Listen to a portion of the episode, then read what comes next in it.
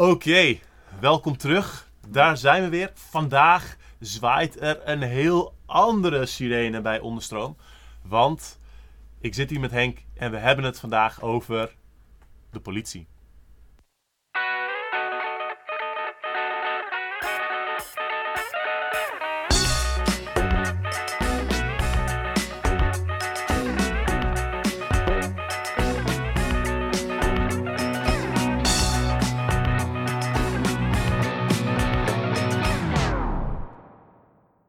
Dus, welkom bij de aflevering. Ik ben natuurlijk Alex. Naast mij zit oude bekende Henk. Henk, leuk dat je er weer bent. Hoe gaat ie?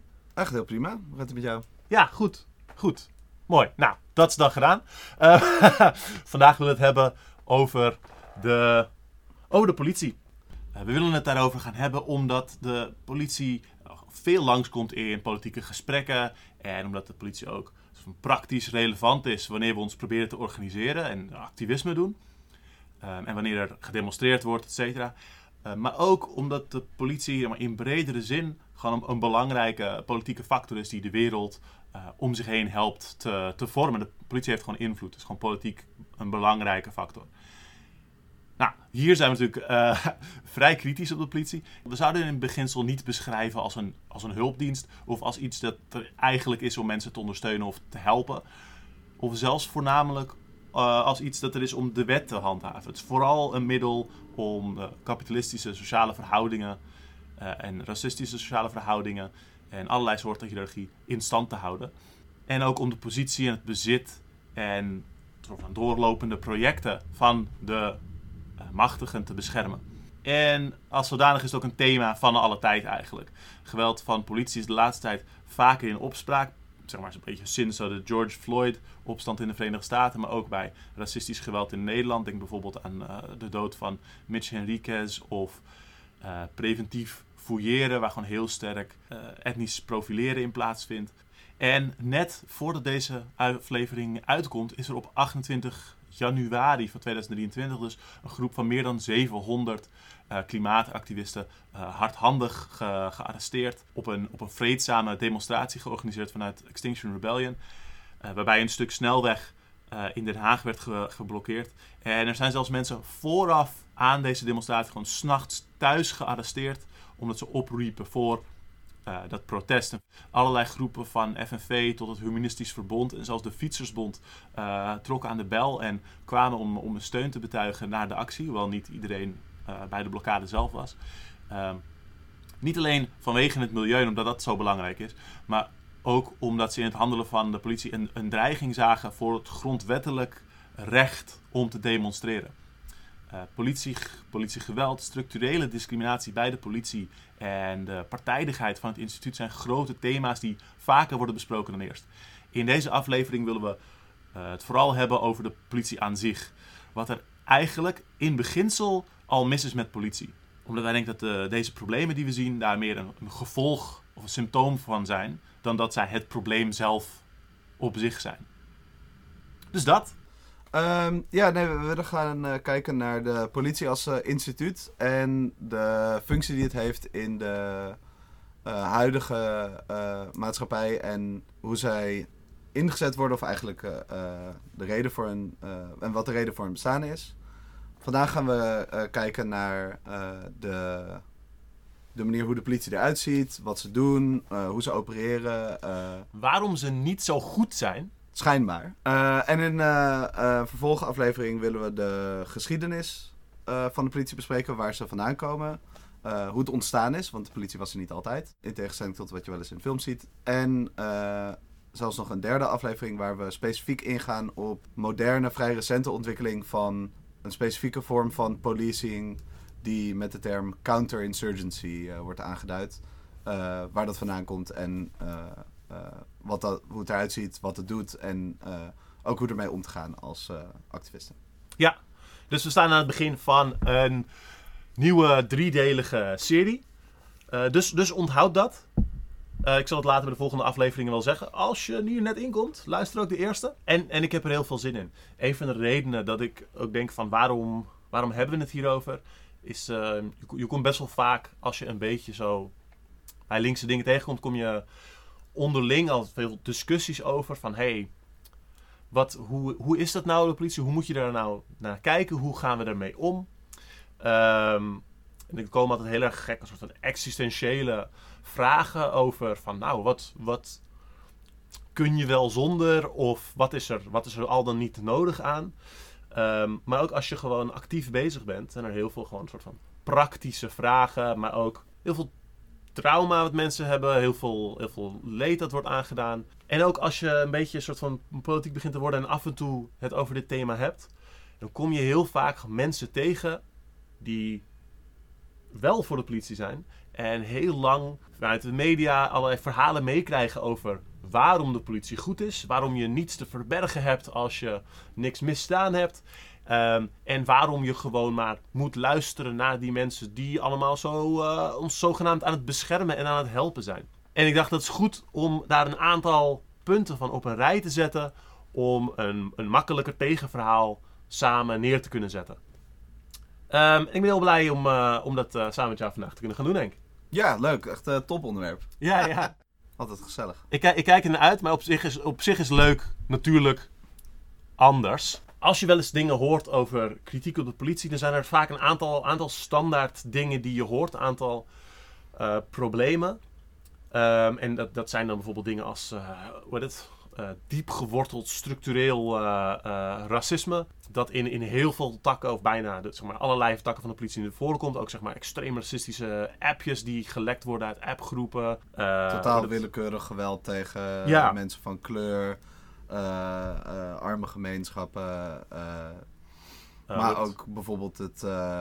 heel selectief preventief fouilleren. Ja. Um, maar ook, ook bij andere groepen zie je dat, dat er gewoon verschillende vormen van discriminatie bestaan. Dat vrouwen heel weinig serieus worden genomen als, als hun geweld aangedaan is. Mensen zijn misschien ook wel bekend met het, het, het concept van wat dan verwarde mensen wordt genoemd in de mhm. media en door de politie. Wat vaak gewoon een vorm van, altijd een vorm van ableism is. Waar mensen die niet in de, de norm passen, zeer gewelddadig, soms zelfs dodelijk geweld wordt aangedaan door de politie. Ja, of je, maar je hoort ook zelfs wel dat er, weet ik veel, gewoon echt extreemrechtse spandoeken op politiekantoren binnenhangen en shit. En misschien hoor je ook wel eens een kritiek over de toenemende bewapening van, van politie. Dat steeds gevraagd wordt om meer middelen, om, weet ik veel, veel, meer van allerlei soorten wapens toe te voegen. Maar ook bijvoorbeeld om handhaving, die vroeger niet gewapend was, allerlei extra soorten wapens te gaan geven. En dit, dit zijn allemaal dingen die gebeuren. Maar dit zijn eigenlijk, is dit zijn een soort, wat wij zouden zeggen, symptomen van een probleem. Dit is niet het probleem van politie, maar dit zijn kritieken die sommige mensen hebben over dat de politie niet goed genoeg zou zijn. En dat is eigenlijk iets anders dan wat we vandaag willen doen. Het zijn, zijn ook de extreme uitspatten van wat de politie slecht maakt. Zit, zit zeg maar. Dus er zit een kern hierachter die uh, eigenlijk gaat over hoe de politie functioneert. Uh, in essentie. En al deze dingen die we net genoemd hebben zijn allemaal verschrikkelijk. Alleen dit zijn vaak de. Het zijn, de reden dat je ze ook vaak hoort is: het zijn de, de beste of de makkelijkste voorbeelden van dit is heel obviously ja. fucking evil shit. Maar dit is gewoon heel slecht uh, en totaal ongerechtvaardigd. Maar als je kijkt naar hoe de politie überhaupt werkt, zul je zien dat, dat eigenlijk in alle vormen van de werking van de politie een onderdrukkend mechanisme zit die uh, eigenlijk alle verschillende hiërarchische machtsstructuren in stand probeert te houden en onderdrukking probeert vast te houden. En daarin zit altijd zo'n zo'n lastig ding met een soort van een, een, een, radicaal verhaal. Is dat je vaak. Maar er wordt, wordt, wordt gewezen naar de dingen die volgens de regel niet kloppen. Die eigenlijk niet de bedoeling zijn. Terwijl vaak de, de legale dingen, zoals het wel bedoeld is, ook al heel slecht zijn. Of eigenlijk daaraan ten grondslag liggen.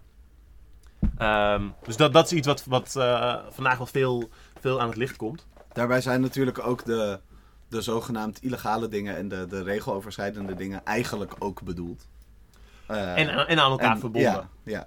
Gewoon, dat is, maar daar, daar gaan we zo meteen verder, verder op in. Ja, ja. Um, maar het, het, is altijd mooi omdat zeg maar, het wordt vaak, ja, er is, er, is, er is een probleem met corruptie, er is een probleem met dit. Maar er wordt, er wordt niet zo vaak wordt het systeem of het instituut zelf bekritiseerd op die manier. Ja. Um, ja, Dus, Hij- ja. je, je kan het bijvoorbeeld zien ook in de, ehm, eh, bij de George Floyd Rebellion. Eh, was eerst heel duidelijk een, een roep eh, abolish the police. Ja. Eh, en toen meer eh, mainstream of liberale groepen dat oppakten, of gewoon eh, delen van de, de, de liberale mainstream media dachten van, oh fuck, dit is wel echt heel groot, we moeten hier soort van iets mee. Was de, de kreet die zij herhaalden of waar zij ruimte voor gaven in, in, de, in de media, was defund the police. Ja. Dat werd niet meer politie is als instrument een probleem. Het werd, nee, maar misschien moeten we er net iets minder van hebben. Of misschien moeten ze niet machinegeweren hebben. Ik bedoel, ze moeten ook geen machinegeweren hebben. Maar eh, ook, ook zonder dat is het een probleem. En dat is eigenlijk waar we op, eh op willen Ja. focussen. Dus meer op, op zeg maar, de, de politie als instituut. Dus ja, wat is, ja, wat is politie? Ehm, de, de politie is eh, de gewapende tak van de staat. Het is een instituut dat gemaakt is om te proberen zoveel mogelijk een monopolie te hebben op eh, geweld, geweldsmonopolie. En ehm, om die eh, uit te oefenen, of te dreigen met de uitoefening daarvan, eh, om mensen zich te laten gehoorzamen aan de heersende orde. Dus zeg maar, een, een, een staat is, is een soort stuk territorium dat gecontroleerd wordt door een, een bepaalde een bureaucratie of een, een orga- organisatie. En die heeft een aantal takken. En een, een staat draait op een geweldsmonopolie en een belastingmonopolie. Dat zijn twee, twee voorname dingen die het doet. En die zijn aan elkaar verbonden, want je kunt mensen belasten doordat je eh, geweld kunt gebruiken. En je wil de enige zijn die dat doet, zodat ze het bij jou kunnen, kunnen afkopen. En dat er niet iemand anders is die een, een, ook een racket tegen diezelfde mensen heeft. Ehm, en daarvoor heb je dus het geweldsmonopolie, dat hou je vast. Eh, twee kanten op. Dus enerzijds naar concurrenten, naar andere staten. En dat is dus het, leger. En, enerzijds, en anderzijds dus naar de bevolking binnen je territorium.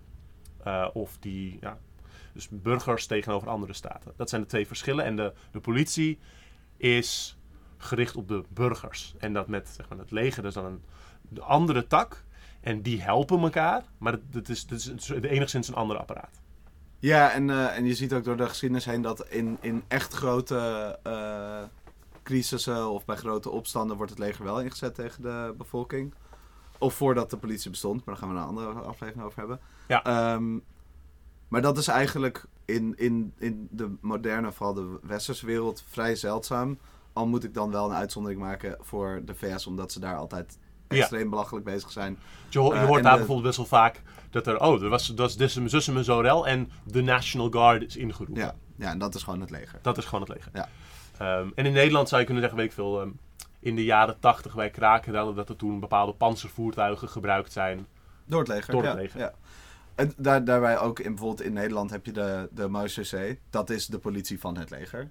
Technisch gezien is dat eigenlijk ook het leger. Maar Ja, een, een, een soort van militaire politie. Ja. Ja. Dus dat, dat, daar zit een soort gradaties aan splitsing. Dat is verder niet zo heel, niet zo heel relevant. Verder heb je dus dingen als de gevangenis. Valt eigenlijk ook zo'n beetje daaronder. Gaan we niet heel specifiek over hebben, maar dat is deel van dat, van dat systeem. Net als de douane is natuurlijk een soort politie. Inlichtingendiensten die gericht zijn op eh, burgers in, je, in, in het land. Ehm, of, of niet-burgers, mensen die bijvoorbeeld geen, geen papieren hebben, et cetera. Dat, dat, dat, dat is eigenlijk allemaal deel van datzelfde, datzelfde apparaat. ja, maar wat, wat daarbij dus interessant is, en je kan nog veel meer instituten hierbij eh, noemen, is dat eh, als je echt inzoomt op de functie van de politie, en gevangenis horen daar dan eigenlijk net iets meer bij dan veel van die andere dingen, is dat zij eh, die directe uitoefening van geweld of de dreiging van geweld gebruiken. Terwijl veel van die andere instituten zijn eh, meer een soort van supporting player daarin. Als je bijvoorbeeld kijkt naar de, de inlichtingendiensten in Nederland, Mhm. verschilt ook wel een beetje met inlichting, inlichtingendiensten in andere landen. Eh, die voeren de arrestatie zelf bijvoorbeeld niet uit. Nee. Dus zij verzamelen informatie, dat wordt gebruikt om geweld uit te oefenen op mensen. Maar dat, zij, zij zijn zelf niet degene die die geweld, geweld gebruiken. Nee. Ehm, dus, het- en dat is altijd een beetje het probleem als je, als je kritiek op politie komt. Dus je komt heel dicht in de buurt van eh, bij kritiek op de staat, zeg maar. Eh, Mhm. en je moet, ja, je moet dan kijken waar je, waar je de grens precies trekt. Maar ik denk dat dat bijvoorbeeld een, eh, een plek is waar je de grens zou kunnen trekken van wie, wie is echt bezig actief met die uitoefening. Dan heb je het echt over actief policing. De, de mensen die, als jij de dreiging, de, de bluff van de dreiging niet, of de, zeg maar, de bluff wil callen van de dreiging, dan daadwerkelijk het geweld gaan gebruiken. Ja, zeg maar dat, die organisatie. Ja. En zo- zo'n organisatie heeft natuurlijk ook allemaal ondersteunende onderdelen. Dus zoals ik veel. ehm, degene die de, de garage van de politie onderhoudt. Of degene die hun social media doet. Of degene die de IT-structuur van de, van de politie onderhoudt. Dit zijn, dit is ook allemaal... optimizer Dit, bijvoorbeeld. dit zijn allemaal gewoon politiemensen. Dit is gewoon, dat, dat, al, de, al deze kritiek slaat ook op hun, omdat het hele Mhm. apparaat van de politie gaat het om. Eh, maar er is wel inderdaad een verschil tussen het apparaat dat de organisatie die eh, verantwoordelijk is voor inderdaad het uitvoeren van arrestaties en eh Ja. eh, et cetera. Ja. Ja, en kijk, dat is gewoon een ding met moderne staten. Je kan niet zwart-wit, dit, dit wel, dit niet. Ik heb daar ook een poos geleden gesprek met mensen gehad over eh, ehm, dat de brandweer helpt soms bij het ontruimen van een kraakpand. Ja, no- normaal is de brandweer, zeg maar, zou, zou ik zeg maar een hulpdienst noemen, net zoals ambulance in tegenstelling tot de politie. Maar, Politie is geen hulpdienst. Ja, maar in zo'n geval helpen ze wel de politie. Ja, ik bedoel dat, ja, ja, dingen, dingen zijn helaas niet zo mooi zwart-wit. eh. ja precies.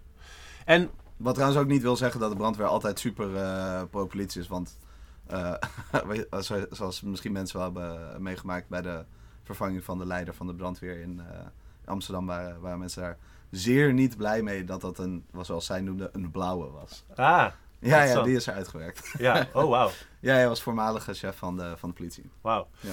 Ja, ik heb, ik heb ook wel eh, eh, video's gezien van een paar jaar terug van... ehm, ehm, volgens mij was er een soort algemene, algemene staking in België. Eh, en dat daar best wel heftig conflict was tussen brandweer en, en politie. Dat de brandweer aan de kant van de staker stond en de politie natuurlijk niet. Ehm, ja, Ja, er is ook een heel vet eh, staking geweest, ook in België. Ehm, waarbij, ik weet niet welke van de twee aan het staken was, maar de, of de federale politie of de, wat is het, provinciale politie of statelijke politie, ik weet niet hoe die, andere, de lokale politie. Ja. Ehm, een van die staakte en die andere werd ingezet om die staking te, onder, te zeg maar, de, de kopje te drukken. ja, Maar dan heb je, daar heb je dus filmbeelden van, het ziet er hilarisch uit. Het is gewoon twee gewapende politieeenheden die gewoon op elkaar inmappen. wow. Ja, het is ja. Gewoon allebei in full gear. Best wel grappig. Maar shit. ja. Dus wederom, weet je wel. eh, dingen zijn niet zwart-wit. Ja, oké. Ehm, dus dat is een beetje... Wat is politie? Wat is policing? Ja, ik denk dat als je kijkt naar policing, is eh, het inzetten van macht en dan in, in, in, vooral in de vorm van geweld in dit geval, om mensen te, te dwingen te doen wat jij wil. Of te, te gehoorzamen aan een gedragingspatroon. Of, of zich te houden aan bepaalde regels, bepaalde sociale normen. En dat is ook zeg maar de dreiging van daarvan, de dreiging van het geweld gebruiken als een soort middel om te voorkomen dat het gebruikt hoeft te worden. Hoe minder het gebruikt wordt, hoe meer Ja. je ervan over hebt, hoe minder kracht het kost. Ehm, en hoe effectiever het is, hoe effectiever de geweldsdreiging is wanneer minder mensen er zorgen dat het gebruikt moet worden. Ehm, en dus de, de dreiging ervan, wanneer het niet nodig is om geweld te gebruiken, die versterkt ook de, hoe effectief het geweld is wanneer het wel voorkomt. Ja, klopt. En ik, kijk, daar heb je natuurlijk een heel groot verschil tussen. Als je door de geschiedenis heen kijkt, maar ook vandaag de dag op verschillende plekken in de wereld. In Nederland wordt er veel meer geleund op de dreiging en op eh, heel veel eh, vervelende bureaucratische consequenties als jij regels overtreedt. Mhm. Dus zeg maar bijvoorbeeld niet meer, het niet meer kunnen verkrijgen van een eh, VOG, verklaring omtrent goed gedrag. Ja. Zeg maar, dat kan heel, voor heel veel verschillende sectoren waar je in werkt, kan het echt een groot probleem zijn. Vooral mensen die in de openbare sector eh, eh, werken. En laat dat nou toevallig bij linksactivisten een oververtegenwoordigd Ja, ja. ding zijn, omdat mensen graag andere mensen willen helpen. Ja. Ja, crazy, crazy people. Ehm, maar eh, weet je, dus dat, dat is hoe het in Nederland veel, va- Ja. vaak veel meer werkt. Terwijl in andere landen zie je dat er gewoon veel sneller naar het geweld wordt gegrepen en die dreiging er minder wordt gebruikt. Ja. Dat ligt gewoon aan de context. En Ja. eh, Dat is ook waarom we dus eh, in onze derde aflevering, tweede aflevering samen, eh, over cooptatie. Dus noemen we van in Nederland is dat het belangrijkste middel. Omdat in Nederland wordt heel veel gedaan met soort van het, ja, met het coopteren van, van verzet. En dat soort met een, soort, een bepaald soort zachte, zachte hand, of met, met regels, met juridische gevolgen, met aansporing van andere soorten gedrag. Om daarmee dreigingen weg te, weg te nemen of te, te verminderen, te pacificeren. In plaats van heel snel op geweld te grijpen. Dat is een, een specifiek ding en hoe dat in Nederland gebeurt. Uh, maar dat betekent niet dat het er niet is. Of dat het niet gedaan wordt, of dat er weinig capaciteit is om dat te doen in Nederland. Het is ook specifiek natuurlijk de wens in Nederland vanwege hoe de economische structuur in Nederland uh, opgebouwd is. Zeg maar, de, het belang hier is dat alles zo smooth mogelijk blijft verlopen, omdat het een vrij uh, kwetsbare infrastructuur is. Mm -hmm. uh, mensen moeten heel veel, zeg maar dat hele idee van het is een kenniseconomie, maar het is wel een beetje waar. Er zijn heel veel, vergeleken met veel andere delen van de wereld, heel veel hoogopgeleide mensen die eigenlijk een soort van middelmanagement van de wereld aan het spelen zijn. Um, en daar moeten zo min mogelijk kinken in de kabel zijn. Terwijl in, in plekken waar veel meer industriële productie gedaan wordt, moeten mensen gewoon fysiek werken. Ja. En als ze dat niet doen, dan sla je ze. Ja. Zeg maar, dat, dus dat, dat zie je ook in andere landen, dat stakingen vaak veel sneller heel heftig op geweld uitlopen. Omdat van, van beide kanten de, dat meer geaccepteerd wordt. Terwijl in Nederland wordt er vanaf het moment één al geprobeerd die cooptatie erin te, in te werken. Ja. Dus je ziet dat bij de vakbonden terug en bij alles. Maar ja, dat, is- dus er zijn verschillende strategieën voor. En die zijn op verschillende momenten wel of niet succesvol ook natuurlijk. Maar dit zie je vooral in Nederland heel veel. Ik denk dat een van de redenen waarom dat in Nederland, of in ieder geval een van de manieren waarop het in Nederland vrij effectief is, is ook doordat er dus relatief weinig geweld gebruikt wordt, mensen ook dat gewelddadige associatie met de politie minder hebben. Of het gevoel hebben dat het in Nederland vreedzamer is of zo. Ja, Uh, maar die, die twee dingen die staan in elkaars verlengde. Die staan in elkaars verlengde. ja nee, ja, je hoort dat heel vaak van... Oh ja, nou, de politie in Amerika is echt super erg, maar in Nederland valt het wel mee. Ik, ik weet het niet exact meer wat het, hoe, hoe, hoe, hoe dicht bij elkaar het was. Maar toen die George Floyd Rebellion bezig was... Mhm. volgens mij was het een week of een paar weken verschil met dat George Floyd vermoord was en dat er een, eh, een zwarte man in Nederland eh, vermoord werd door de politie. Maar dat kwam gewoon veel minder groot in de media. En dan, ja, dan zien mensen het niet. En dan, eh, Ja. Ja, precies. Eh. en dat heeft ook te maken met eh, hoeveel af, onafhankelijkere media er is en hoe populair die zijn, et cetera, et cetera. Ja. Dat heeft allerlei andere ja. oorzaken. Maar je, je noemde dus, zeg maar, nou, de, de politie die is er om het geweldsmonopolie vast te houden over, en dat geweld toe te passen op de burgerbevolking, om gehoorzaming aan de, de heersende orde te, te verzekeren en te Ja. versterken. Ik hoor dan niet per se het voorkomen van overtredingen van de wet. Hoe zit dat? Nou, daar, daar is de politie ook niet voor eh, gecreëerd en dat is ook niet wat ze primair doen. Het is sowieso eh, het, het voorkomen van overtredingen. Eh, wat mensen, wat, dit is een, een, een populair narratief tegenwoordig van meer blauw op straat. Ja. Van hoe meer politie er is, hoe moeilijker criminaliteit kan zijn. En dat klinkt heel erg verleidelijk. En het is, het is een beetje dezelfde logica als meer camera's ophangen in winkels tegen winkeldiefstal. Ja. Het, het aantal spullen dat gestolen wordt uit winkels met 0 camera's en 500 camera's is dus hetzelfde. eh, door, door, door de wereld zijn. Want mensen passen zich aan. Ja. Eh, zeg maar, het, is, het is een beetje een soort van wapenwedloop tussen eh, winkeldiefstal aan de ene kant en, en de, de winkel aan de andere kant. Maar en, en dat zie je overal terug. Dus hoe, hoe meer politie er wordt ingezet, heeft vaak een hele lage impact op het voorkomen van overtredingen. Vaak wordt er dan gezegd van ja, maar het, het zorgt voor een veiliger gevoel. Voor sommige mensen misschien. Nou, de grap is dat dat het tegenovergestelde dus het, het feit blijkt. Doordat mensen hebben onderzoek gedaan van wat gebeurt er als er meer eh, security wordt ingezet. Meer politie, meer Mhm. eh, van dat soort eh, eh, mensen en instituties worden ingezet overal. Is dat mensen associëren dat met misdaad, met onveiligheid. Daardoor voelen mensen zich meer onveilig. Waardoor mensen ook denken dat de misdaadcijfers omhoog blijven gaan. Dus dit, dit, dit hele Ah. ding blijft zichzelf perpetuaten zonder dat het daadwerkelijk een invloed heeft. En het, dat heeft natuurlijk ook totaal helpt het niet dat de media vaak dit heel erg versterkt en eh, altijd de kant van politie kiest, altijd hun verhaal volledig overneemt. En Ja. eh, als de politie zegt de misdaadcijfers gaan omhoog, want zeg maar, natuurlijk zouden, waarom zouden ze dat niet zeggen? Dan gaat hun budget omhoog. Dus Ja. Dat is een heel Ja. duidelijk incentive om daar eh, dat te zeggen. Ehm, dan wordt het altijd gewoon volledig overgenomen. En, de, en dit, dit, dit werkt dus dat systeem in de hand van, oh ja, we moeten, en, en het, het idee dat dat eh, werkt, eh, dat werkt dus totaal niet.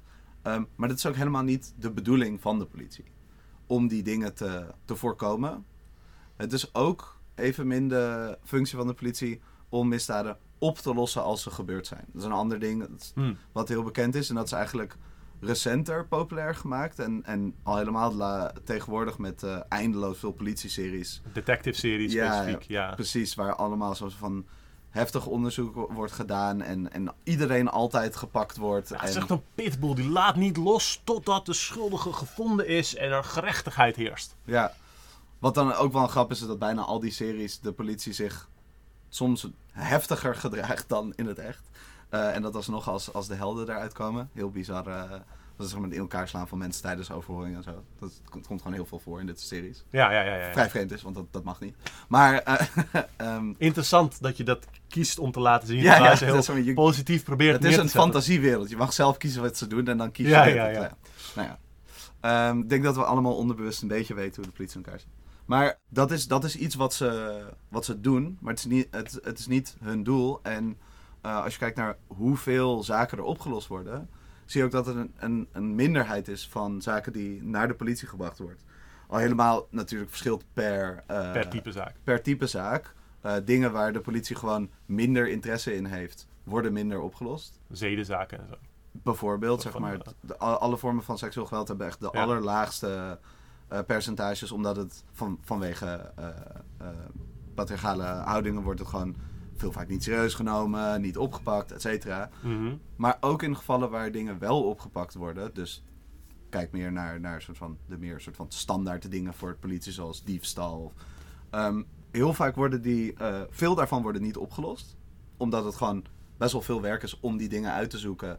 En de meeste misdaden zijn niet zo high profile of komen niet zo high profile over als ze in politieseries gebracht worden. En de, de misdaden die wel opgelost worden, Ja. tussen, tussen aanhalingstekens, worden heel vaak wordt gewoon iemand onder druk gezet van jij bent het, jij, jij hebt het gedaan, geef maar toe.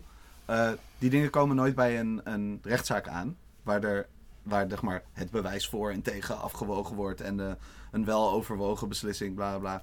Zeg maar, los van kritiek die je kan hebben op hoe rechtspraak werkt, Ja, komt het daar vaak niet eens, omdat er altijd eh, ehm, vooraf ge- geschikt wordt. ja, er worden altijd schikkingen getekend. En die worden aangeboden aan mensen die vaak al in een niet geniale positie zitten. En dat klinkt als de, de lesser of two evils. Veel mensen hebben niet genoeg geld om, om hele goede advocaten in te huren. En de staat kan eeuwig doorprocedureren. Want Ja. dat kost heel veel tijd, heel veel energie en heel veel geld. Eh, maar daar is gewoon eh, budget en capaciteit voor vanuit de staat. En Dat is grappig, want dus ook recentelijk is de, de capaciteit, zeg maar, de, de ondersteuning voor Mm. mensen die daar tegenin willen gaan, eh, is juist afgebouwd. Er is, er is een, een bezuiniging geweest waardoor eh, mensen minder toegang krijgen tot. eh, nee, wat was het? Ehm, er is sowieso is afgeschaft. minder dat- grote vergoeding voor, een, ehm, voor advocaten, toch? Ja, ja. Ja, en daarnaast was er ook afgeschaft dat als er, als er iemand overlijdt in een politiecel, of terwijl ze bij, bij politie in handen zijn, dat er dan automatisch een, een zaak om over moord of doodslag geïnitieerd hoeft te worden. Dat hoeft niet meer. Ja, het is... eh, Totaal niet shady trouwens. ook. nee, nee, nee, nee. Nee. Echt, echt vet. Ik, stel je voor dat ik een regel zou van, als, als je ooit iemand dood in mijn huis vindt, dan moet je geen onderzoek doen. Nee, nee, nee. Nee, dat is... ik denk dat, dat ik zoveel rompslomp elke keer dat maar doen. Ja, Er Heb jij ook geen komt zin in? zo vaak voor. Dat... ja, Jesus. ehm, ja. Ehm, nee, maar en, Maar er is dus een verschil tussen dingen die, eh, die som, soms, soms gebeuren. Of waarvan, ze, waarvan zeg maar, het wordt gezegd van dit is het doel van de politie. Versus waar het daadwerkelijk mee bezig is. En dat gaat veel meer om die controle. Hoe ziet dat eruit? Wat, wat is die controle dan? Ehm, nou, de controle is heel letterlijk als er gezien wordt dat mensen zich niet eh, houden aan de. Niet alleen de regels, maar ook aan. Zo, weet je, je hebt zeg maar de, de, de, geschreven wetten, dus dat, dat zijn de letterlijk geschreven regels. Eh, maar er zijn ook heel veel ongeschreven regels in hoe mensen zich moeten gedragen. En die verschillen natuurlijk per eh, groep en per, per persoon eh, hoe die op jou van toepassing zijn. Voornamelijk met heel veel intersecties van verschillende onderdrukkingen en discriminatie. Maar het, het is als, als daarmee gebroken wordt, als met bijvoorbeeld de status quo gebroken wordt, dan wordt de politie ingezet. Dit, dat overlapt wel met de overtreding van de wet. Mhm. Maar het is niet hetzelfde als de overtreding van de wet eh, handhaven. Want de wetten lijken neutraal geschreven, maar worden niet neutraal geënforced. En wetten worden natuurlijk ook, we- wetten worden ook geschreven om de status quo te handhaven. Ja. Ehm, dus dat die, die twee, eh, die leiden elkaar. Maar je, als je kijkt naar hoe het, hoe het gebruikt wordt, dan is het, dan is het veel meer om inderdaad mensen die de situatie willen veranderen, die een, een fundamentele kritiek hebben of die niet passen binnen het, het, eh, het, het vaste stramien of een bepa- bepaalde status die ze dienen te hebben, ehm, om hen eh, ja, te ontmoedigen, te onderdrukken. En te Ja, of ja. mensen op bepaalde plekken te houden. Ik bedoel, openbaar dronkenschap is illegaal. Ja. Ik, ik weet niet of luisteraars ooit eh, uit geweest zijn. Er, Ja. zijn. er zijn wel eens mensen openbaar dronken. Ik, ik zou durven stellen dat, dat, dat je die wel eens kan zien ergens. Ja, Tenzij je binnen blijft. In je eigen huis. En dan eigenlijk vaak alsnog. Tenminste in mijn geval. En, eh, maar ja, als ze, als ze het willen gebruiken, kunnen ze dat doen. Het, hetzelfde is dat je op heel veel plekken een APV, een eh, Algemene Plaatselijke Verordening, dat je bijvoorbeeld niet eh, mag drinken of zo. Ja. In principe mag je gewoon buiten een biertje drinken, maar op heel veel plekken kan dat niet. Ja. Ook dat wordt super selectief eh, ingezet. Vooral tegen eh, dakloze mensen, mensen van kleur, ehm, me- mensen waar, waar eh, al een, een bias tegen is, waar die, die zeg maar al gezien worden als niet passend binnen het, het straatbeeld zoals de politie of de staat dat wil hebben. Ja. Ja. Ja, je ziet het heel, heel vaak inderdaad met mensen die zich op een bepaalde manier afwijkend kleden. Of er op een andere manier uitzien. Of Ja. ehm, inderdaad. Nou, en, hier, en hier zie je dus dat het, het, het gaat niet zozeer om mensen die zich wel of niet aan de wet houden. Het gaat om wie zich op welke manier uit en of dat eh, acceptabel is. En bij sommige groepen kan je veel meer maken. Sommige groepen kunnen veel meer maken van mensen die daar, Ja. daartoe behoren eh, dan andere.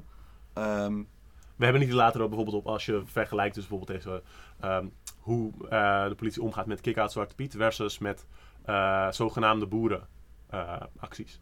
Ja. Bijvoorbeeld. Zo extreem verschillend, heel duidelijk te zien. Eh, maar het, het gaat dus inderdaad niet per se om het voorkomen van overtredingen, maar juist om het, om het handhaven van een bepaalde gevestigde orde. En dat is een andere kwestie dan kijken naar een soort van moet het juridisch systeem gericht zijn op een soort van straffen om iemand, zeg maar, omdat er, ik wil, er is een soort ding van, als je eh, iets overtreedt, dan hoort daar gewoon straf bij. Het gevoel van, zeg maar, ja, punitief. ja. Versus dat ding van, je wil mensen rehabiliteren zodat ze een overtreding niet meer maken. Dat is eigenlijk een andere discussie. Dat zijn beide manieren eh, om zo'n zo'n orde te handhaven. En de ene is meer een soort van meer zachte hand en gericht op eh, preventie, rehabilitatie. En de andere is meer soort van, je wil heel erg laten zien dat bij die overtreding hoort pijn. Je moet lijden als straf voor de overtreding. Maar dat is, dat is, dat is niet per se waar we het hier over hebben. Er zijn heel veel heel geavanceerde politiestelsels die juist ook zo'n soort van rehabiliterende vorm gebruiken. Bijvoorbeeld Scandinavische landen. Ja, en, ja sowieso zijn dit soort dingen natuurlijk altijd eh, een beetje zo van de carrot en de stick. Eh, die dingen bestaan nooit volledig los van elkaar. Nee, er is Ja, altijd een je- bepaalde balans je en die je mag de wortel, want je wil niet de stok. Ja, En sommige mensen kunnen niet eens kiezen voor de wortel. Dat heb je dan ook natuurlijk. ja, ja, tuurlijk. Ehm, Voor, voor wie is een wortel waard? ja, precies. Wie is een wortel waard? Ja, Maar, da- maar da- daar hebben we het dan in dit geval niet over. Het gaat veel meer om, om zeg maar de... de...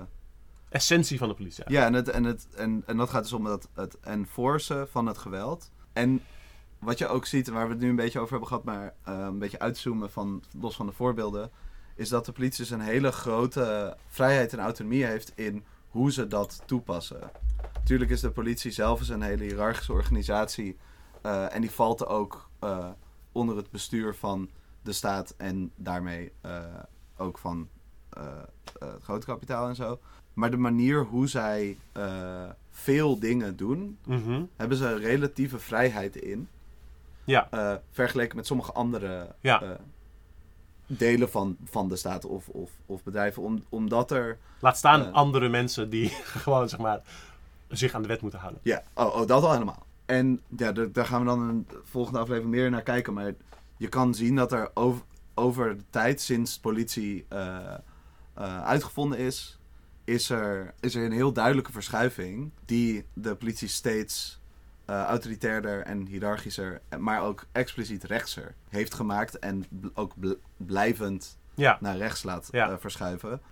En dat, dat is ook een ding, want we hebben, zeg maar, we hebben wel genoemd van... de politie is er om een bepaalde heersende orde te verdedigen. En mensen zeggen dan vaak, ze willen de status quo beschermen. En, en daar, zit, daar zit wat in, maar ik vind het altijd een beetje... beetje dat, dat, dat wringt bij mij altijd als we het over een status quo hebben. Omdat het, het veronderstelt heel erg stilstand. Er is één manier waarop het is. En dat is gewoon goed en dat moet blijven. En, en dat is ook vaak hoe soort van conservatieve politiek wordt neergezet. Ah, we, zijn, we willen gewoon dat het rustig aan is en dat er niet zo heel veel verandert. Maar dat is niet wat er gebeurt. Status quo betekent een, een bepaalde balans in de, in de macht. Maar eigenlijk bestaat er geen stilstand. Staat, kapitaal, die willen. Zeg maar, de, de, de, de, er is altijd een poging om macht verder in het voordeel van de machtigen door te schuiven. Zeg maar, je staat op een kleed en het wordt verder onder je uitgetrokken. En eh, politie en andere, andere soort van macht, machtsmiddelen en eh, rechtse politiek, die zijn, die zijn altijd bezig om zeg maar, de, de macht om dat te doen, om het verder die kant op te trekken, om dat te verdedigen. Maar dat betekent niet dat het stilstand is. Het betekent de mogelijkheid om de, de, de samenleving verder te herschikken ten voordele van de mensen die nu machtig zijn. Nou, we hebben hier dus een aantal argumenten gemaakt. Dus even voor de duidelijkheid, om het een beetje zo samen te vatten. We zeggen hier niet dat er een soort van allerlei stiekeme, geheime, echte doelen achter politie zitten. Of dat politieagenten allemaal een soort geheim tweede regelboekje zouden hebben. Of dat, dat er een soort geheime samenzwering is over hoe de regels werken. En we zeggen ook niet dat de dingen die de politie doet uh, om bepaalde soorten misdaad aan te pakken, expres niet zouden werken. Of, um, en misdaadcijfers zullen soms ook wel een soort van fluctueren. En daar zijn allerlei trends in. Maar uh, ons argument is veel meer dat de politie uiteindelijk een andere functie heeft dan wat mensen vooral denken en van wat, wat naar buiten gecommuniceerd wordt. Um, en die functie die sluit soms wel, maar soms ook niet zo aan op hoe de wet in elkaar zit. Um, of op wat daadwerkelijk een overtreding is. En als je deze dingen bekijkt en ook meeneemt, zeg maar, welke overtredingen wel belangrijk worden gevonden en welke niet. Bijvoorbeeld als je kijkt naar ik wil, witte criminaliteit die nauwelijks wordt vervolgd. Of de roof op loon van werkers. Dus dat bedoel ik niet zeg maar, kapitalistische uitbuiting die voor de wet legaal is. Maar om tegen de regels in, inhouden van loon, dat een, uh, een baas aan een werker verschuldigd is. Um, en dat de baas dus inhoudt en zelf in de zak steekt. Of zeg maar dat het bedrijf zelf in de zak steekt. Dat soort loonroof gaat overal ter wereld om vele malen meer geld dan welke bankroof of overvallen dan ook. Maar wordt nauwelijks vervolgd. En als je naar dit soort dingen kijkt, dan is uh, de gemene deler, waarmee je het best kunt begrijpen hoe de politie werkt of waarom, waar het voor is, waarom ze doen wat ze doen, dan is die gemene deler niet de politie handhaaft zo neutraal mogelijk de wetten. Of de politie voorkomt en straft en vermindert overtredingen. Die gemene deler is vooral dat de politie bezig is met het behouden van de bestaande orde. En als je er zo naar kijkt, dan is het veel beter te begrijpen hoe de politie zich gedraagt. Bijvoorbeeld wanneer we kijken naar de coronaprotesten tegenover de avondklokrellen, naar de vergelijking tussen uh, zogenaamde boerenprotesten en Kick-Out Zwarte Piet, uh, of dus die uh, klimaatprotesten, uh, waarbij je steeds zoveel arrestaties allemaal ziet. En tal van andere voorbeelden. En dat is veel meer het argument dat we maken. Maar en de politie overtreedt dus ook zelf allerlei regels. En wordt, wordt constant uh, gelobbyd om allerlei normale wetten en regels eigenlijk niet op de politie toegepast te laten worden. Bijvoorbeeld als we dus hebben over, ik als er, als er iemand bij de politie in beheer is en die overlijdt, dat er nu niet meer standaard een onderzoek wordt, eh, moet worden ingesteld. Dat was, dat was vroeger zo. Ehm, en dat is nu af, afgeschaft door recent lobbyen vanuit Wat- ja, allerlei hoeken, waaronder de Wat politie. overigens dubbel bizar is, want het onderzoek werd al door de politie zelf uitgevoerd. Ja, Dus dit, dit is zeg maar. Te vertrouwen niet eens zichzelf om zichzelf in te dekken. Waar ze er redelijk goed in zijn, meestal. ja. Alsof is- Henk, ik, eh, ik heb gehoord dat er een, een lijk in je kamer ligt. En ik wil je toch echt vragen om daar even naar te kijken. En dan bij mij terug te komen om te zien wat er, wat er nou aan de hand is. Weet je wat? Laat maar zitten. Dat is niet nodig. That's too much, man. Ja, nee, en, en ehm, ook als er regels overtreden worden, vaak wordt, het, wordt dat dan niet herkend en erkend eh, door, de, door, de, door de officiële structuren die daarover gaan, waaronder voornamelijk de politie, maar ook eh, eh, recht, rechtbanken. Heel veel wordt eh, onder tapijt geschoven, ook dingen die heel publiekelijk gebeuren. Maar zelfs als er wel toegegeven wordt en er een rechter zegt, oh nee, dit had, dit had niet moeten gebeuren of dit is foutief, whatever.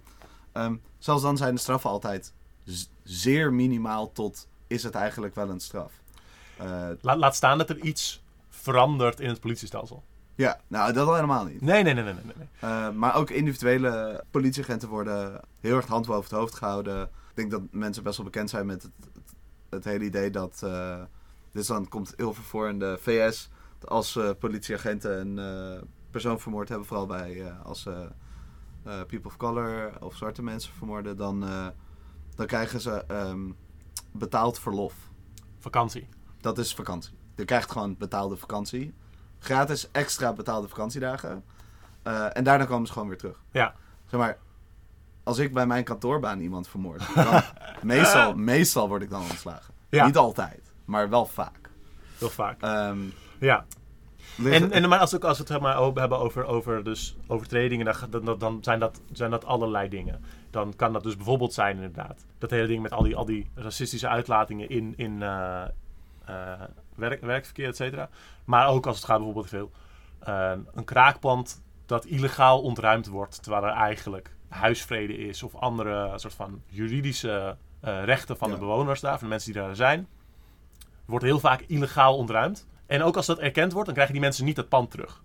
Dan krijgen, komt er niet een straf uit, komt niet, er wordt niet eens teruggedraaid wat er gedaan is of zo. Hmm. Dat is gewoon, dat kan gewoon en dat gebeurt en dat, dat wordt vaak prima gevonden. ja. Laat staan dus ook eh, buitensporige, zeg maar, volgens de regels niet toegestaan gebruik van geweld. Geweld tijdens verhoren bijvoorbeeld, of dus inderdaad eh, dat, dat iemand eh, wordt doodgemaakt in een situatie waar de wet dat helemaal niet per se toestaat. En dat zeg maar vrijheid inperken. Wat, wat is dat wat, eh, wat de politie allemaal doet wat dat betreft? Ja, het, je, je kan dat vooral zien in de manier hoe de politie opereert en waar, waar ze voor ingezet worden. Want je hebt natuurlijk soort van dagelijkse gang van zaken van de politie. Doet een rondje lopen door de wijk en ze zitten op kantoor en dingen te doen en zo. Maar wa- wanneer wordt de politie op grote schaal eh, ingezet? Is als er protesten zijn, als er onrust is, als mensen in actie komen om dingen te veranderen.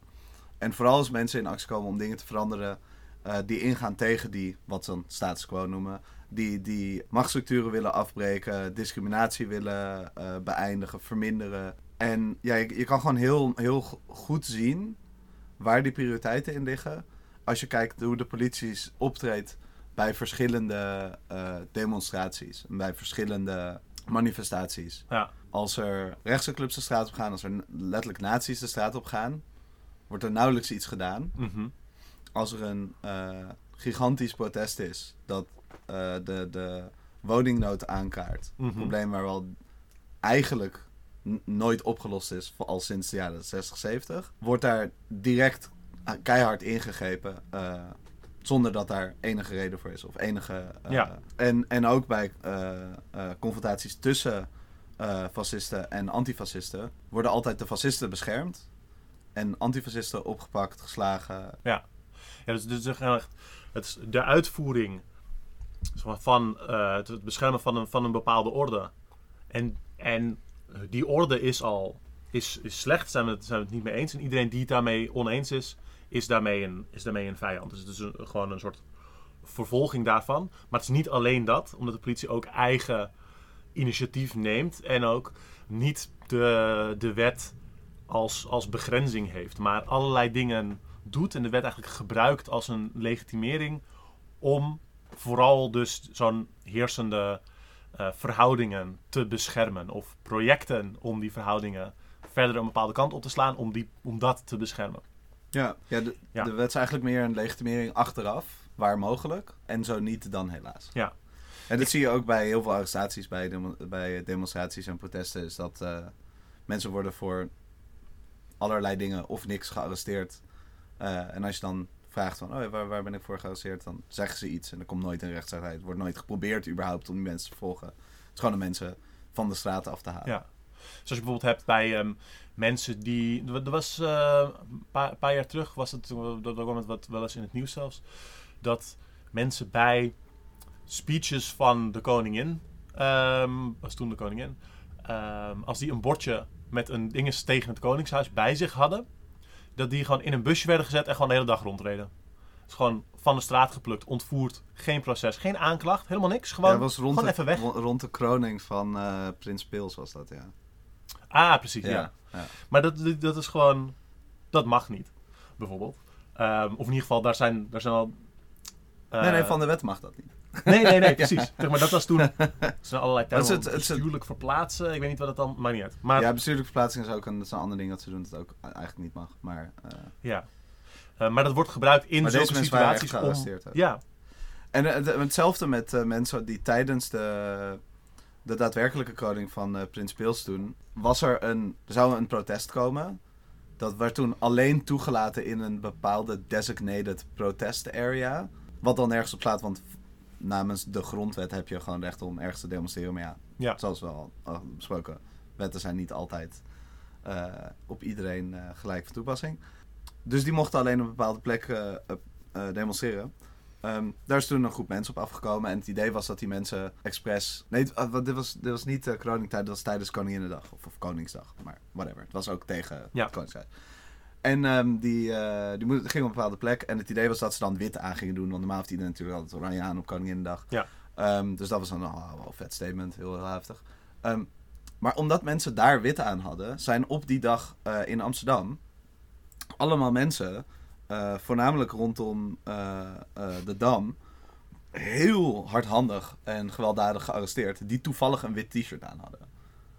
Omdat er dus ver- Ja, verdacht werd dat deze mensen bij een protest zouden horen, maar het waren gewoon mensen met een wit t-shirt aan. ja, ja. Overigens, je, je wou dat je in een samenleving zit waar je dat niet hoeft te zeggen, maar, maar dat is niet illegaal. Nee, nee, je Eh, mag ook, gewoon een ook wit t-shirt niet op. Koninginnedag. Ja, ja, Eh, ja. Wow, ja. Het is niet eens dat- verplicht om iets oranjes te hebben op Koninginnedag, gelukkig. Wa- waarlijk de vrije wereld in. ja, ja, ja, Maar- ja, ja. Maar de- ja, Ja. nee, dat is gewoon zo'n zo typisch ding van... Dit ding is slecht en we gaan gewoon eh, een, een soort rare assumptie maken van... Oké, dan, dan alles wat hierop lijkt hoort erbij. Eh, het, hetzelfde zie je bij, eh, bij, bij demonstraties gewoon heel vaak gebeuren.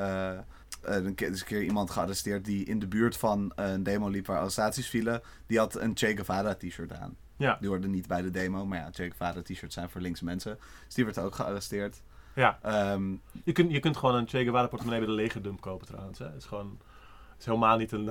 nee, nee, het schijnt, het schijnt best mee te vallen hoe, hoe links iedereen in Che Guevara kleding is. Maar, ja. ehm eh, te- tegen te vallen eigenlijk. eh, Ja. Maar, ja, en het, het zijn van dat soort typische dingen van... eh, het, het, en het, het verraadt ook gewoon een hele ehm, typische blik. Hoe er gekeken wordt naar, naar het, het, het policen van, ehm, van dit soort protesten. En wat ik eigenlijk ook nog een, een, een interessant voorbeeld vind... is hoe er om werd gegaan, niet zozeer met... of ja, deels met de eh coronaprotesten... waar af en toe ook heel eh, heftig geweld werd toegepast hoor, daar, Ja. daar niet van. Maar over het algemeen werden die vrij Met- toegelaten. Met toege- rustlaten. toegelaten voor, voor hoe eh, groot het was en hoe erg die zich niet aan afspraken of regels wat dan ook ja, hielden. Ik bedoel, ik, ik ga demonstranten niet shit geven voor zich niet aan regels houden, maar als linkse mensen dat doen, als linkse mensen het aan de regels houden, krijgen ze al een fucking Ja, ja, ja. eh, stokslagen. Dus laat staan als je daar, daarmee breekt. Maar wat heel interessant was, is eh, wat er gebeurde toen de avondklokrellen eh, ontstonden. Ehm, en dat is eigenlijk nog een ander deel van policing. wat in Nederland. Waar ik iets minder voorbeelden van ken in Nederland. Maar in, in Amerika is dit, zie je dit veel meer gebeuren. En is er ook meer over geschreven, meer bekend. En dat is eigenlijk een soort van het, betrekken van eh, niet-politieagenten bij het enforcen van die status quo, van de, van de machtsstructuur. Ehm, waarin mensen zeg maar zo van, oh deze mensen staan duidelijk aan de kant van de machthebbers. Die gaan we dus nu tijdelijk helpen gebruiken als een soort van, Ja. Zeg maar, wat, wat in militaire termen paramilitairen zouden heten. Ja. Maar, parapolitie of zo. Ja. Maar, en eh, bij de eh avondklokrellen zag je heel duidelijk dat het narratief in de media was een, op de eerste dag heel erg, oh, dit zijn allemaal wappies en coronaprotestanten en bla bla bla. Eh, en toen, na de eerste avond, sloeg de, de toon om, tijdens de eerste avond al Ja. natuurlijk, en werden er heel veel woorden gebruikt die, wat eigenlijk een soort van typische dog whistles zijn voor, dit zijn niet-witte eh, rellende mensen. Ja. Zeg maar dingen als tuig en dat soort dingen. En ik weet, ik weet specifieke termen niet meer. maar Het is heel interessant om te zien eh, ehm, hoe, hoe snel dat omsloeg. Maar ook hoe, hoe snel eh, bepaalde mensen die zelf eerst meededen aan die rellen, toen omsloegen. En Ja. dat, dat zag je in bepaalde steden waar dan... ehm, Eindhoven. ja, waar voetbalhooligans die eerst mee aan het meerellen waren, zagen dat er niet-witte mensen ook eh, boos over de avondklok eh, waren.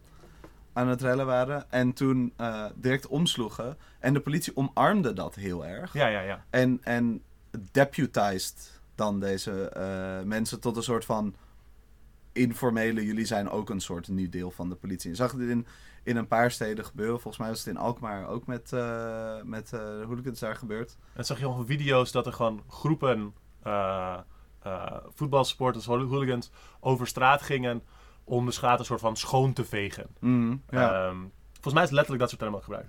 ja, ja, ja, ja, ja. Heel Ja. sick. En trouwens, ik wil ook echt alle volledige shade gooien op fucking voetbalhooligans die samenwerken met de politie. Ja, ja, Fuck off. Dat, ja, ja, ja. Dan kan je wel gewoon stoppen met je clubsport. Ehm, want dat is ook, zeg maar, als je, ik- ik noemde eerder het geweldsmonopolie, maar dat betekent niet dat het, eh, als je dat hebt, dat je de enige bent die ooit geweld kan gebruiken. Het is aan jou om het uit te besteden. Klopt, ja. Dus je kunt, het, je kunt het ook uitgeven, besteden, eh, pa- privatiseren, et cetera. Maar dat is aan, aan jou en, en, dat, en dat diegene controleert die dat. De, Precies, en ik denk het, en dit, en dit is eh, weer zo'n voorbeeld voor die bepaalde vorm van autonomie die ze daarin hebben. Want is nergens staat dat dit mag of kan of oké is. Dit is ook. Maar, ik, ik weet de interne werking, ik heb daar niet eh, alle, alle bestanden van. Helaas eh, kan je dat eh, niet, niet wobben. Maar waarschijnlijk is dit helemaal niet van hogerhand direct als, als bevel gekomen van... hé, hey, jullie moeten dit gaan doen. Mensen zagen gewoon deze mogelijkheid en waren ze van... oh, dat gaan we gewoon omarmen, dit gaan we gewoon mee samenwerken. Want in, in dit geval zijn, is het gewoon een boze witte menigte... die een soort van rare racistische angst wil uiten. Ja. En, en ja, dat... dat, dat eh, We hebben het al een paar keer genoemd, maar politie is ook niet neutraal. Van, ze voeren gewoon dat, die wetten uit. En ongeacht of die goed zijn of niet. En dat is een probleem aan politie. En dat is zo. Maar de politie is daarnaast ook zelf actief bezig. Ze zijn niet, ze zijn niet neutraal. Ehm, en dat zie je bijvoorbeeld dus inderdaad, zeg maar, de, de compleet ge- gerichte soort van voorkeur voor bepaalde overtredingen versus anders. Of bepaalde mensen die eh, protesteren versus andere groepen. Maar het is veel institutioneler dan dat natuurlijk. Het is, er is een best eh, interessant boek over geschreven, eh, specifiek over dit in Nederland. Volgens mij heet het Anatomie van een gummiknuppel. Komt wel in de, de, de show notes eronder staan. Anatomie van een gummiknuppel. En daarin wordt beschreven dat zeg maar, mensen selecteren, zeg maar, niet alleen selecteert de politie als mensen daar solliciteren of willen werken, wie ze willen hebben. Dat is een hele eh, specifieke selectie, want je krijgt mensen die. Het, het is namelijk, het is gewoon een heel hiërarchische en autoritaire instelling. Dus je krijgt mensen die daar ook geen problemen hebben om daarvoor te werken. Mensen die eh, autoritaire en hiërarchische structuren prima vinden en misschien ook actief belangrijk. Het imago en de reputatie van de politie trekt een bepaald slag mensen aan. Precies. En dat, dat, dat versterkt zichzelf. Als je dat over tijd, zeg maar, eh, blijft uitbouwen, krijg je een, een instelling die gewoon volledig gevuld is met mensen die heel actief, hiërarchisch en autoritaire structuur willen zien en willen, en willen eh, in stand willen houden en ook willen uitbouwen. Of in En- ieder geval een, een soort dominante sfeer binnen die instelling. Zeg maar, het kan zijn Ja. dat sommige mensen dat niet per se vinden, of wel of niet. We hoeven niet over elke individuele persoon te hebben, maar het gaat over de als instelling Ja, draagt het dat uit. en dit zie je ook terug in de, het lobbyen, wa- wat, eh, wat ik eerder, eerder genoemd was, van eh, de politie als instituut. In, in bijvoorbeeld eh, politievakbonden, Mhm. die zich veel vaker eh bezighouden met eh, het uitbreiden van de immuniteit van politieagenten, het uitbreiden van de, de mogelijkheden, wapenuitrusting, Ja. eh, wa- wat de politie allemaal mag, de eh, ehm, we- wetten wil beïnvloeden. Ve- veel meer dan bijvoorbeeld de individuele lonen van politieagenten. Want het budget van de politie stijgt altijd. Het hele instituut is daar ook voor aan het vechten. Net Ja. hun vakbonden en de politie zelf. Nou zou ik niet zeggen dat de politie meer betaald moet worden. Maar ik bedoel, het is, het is voor hoe machtig hun lobby is... Ja. helemaal niet zo'n geniaal betaald beroep. Wat eigenlijk best wel bizar is. Ja. En, en dat laat zien hoe, hoe die dingen in elkaar zitten ook. Het, het is zo dat die, die lobbygroepen, of het hun, hun vakbond zelf is of andere groepen... heel specifiek gericht zijn op politieke doelen... Ja. eh, die te maken hebben met het uitbreiden van de macht van de politie... en van eh, meer soort van vrijheid en autonomie in het uitoefenen van die macht. Ja. Eh, en, dat, en dat is iets wat we heel direct eh, terugzien in de militarisering van de politie, uitbreiden van hun functie ook. Het feit dat ze steeds meer taken ook op Mhm. zich gaan nemen. Iets waar overigens heel veel individuele politieagenten vet veel problemen mee hebben. Omdat, omdat ze heel veel dingen gewoon niet kunnen. Ja, ja dus de, de, de politie als, zeg maar, als instituut of als zeg maar, eh, mensen die werken bij de politie, gezamenlijk, die zijn ook bezig om de missie van de politie uit te breiden, te veranderen, om die invloed daarvan te vergroten. Op een manier dat gewoon best wel, best wel extreem is. Zeg maar. Heel veel instituten doen dit soort dingen. Een soort van power creep, function creep, mission creep-achtige dingen. Dat soort termen. Uh, maar bij politie is dat gewoon heel, heel sterk, heel duidelijk aanwezig. En ook heel soort van politiek, Ja. politiek gericht. We hebben het al eerder gehad over zeg maar, verschillen in hoe ze omgaan met verschillende groepen. Uh, maar er, er, is gewoon heel duidelijk een verschil tussen hoe de regels stellen dat de politie zou moeten werken. En, hoe, en hoe, wat er daadwerkelijk gebeurt. Wat er, wat, wat er echt gedaan wordt. En die, die spanning, zeg maar, die, die, dat verschil, dat is ook een beetje op elkaar aangesloten. Er zijn ook regels die gemaakt zijn.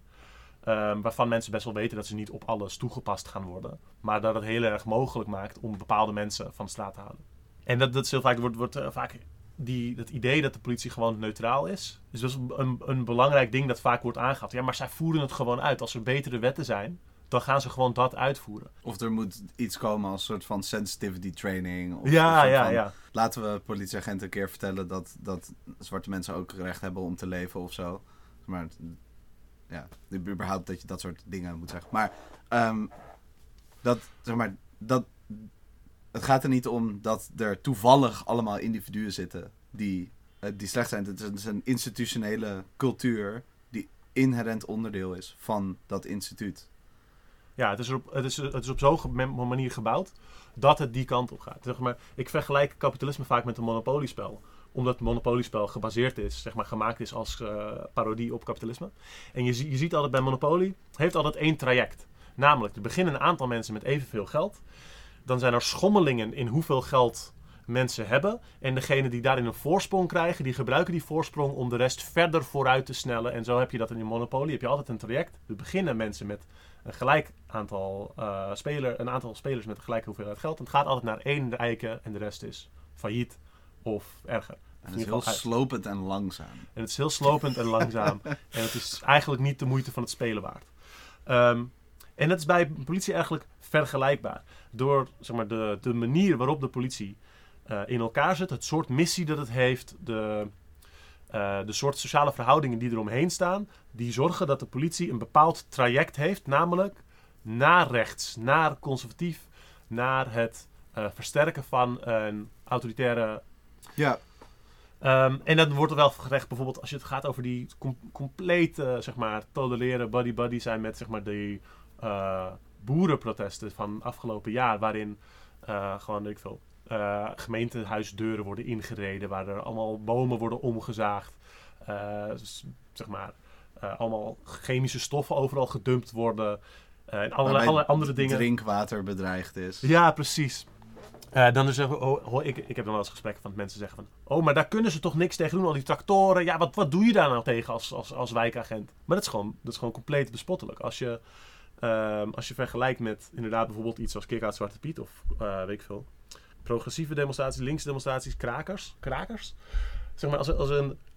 Weet je, stel, je, stel een kraker demonstratie heeft een, een tractor en daar willen ze iets mee. Ze trekken je gewoon uit de tractor. Ze zetten gewoon een auto voor en als je dan daar doorheen rijdt, dan kunnen ze je neerschieten. Dat is gewoon, Ik wil, ook, ik wil ook zeggen dat deze trekkers rijden echt zeg maar maximaal 15 km per uur. Voor je het kunt gewoon grootste gedeelte. lopen. Je kan hier, hier gewoon naast staan. Ja, het, het, het is totaal bizar. En het, maar het, het is ook letterlijk toegegeven door, ik weet niet of dat een korpschef waren, maar door, door hogere mensen in de politie van...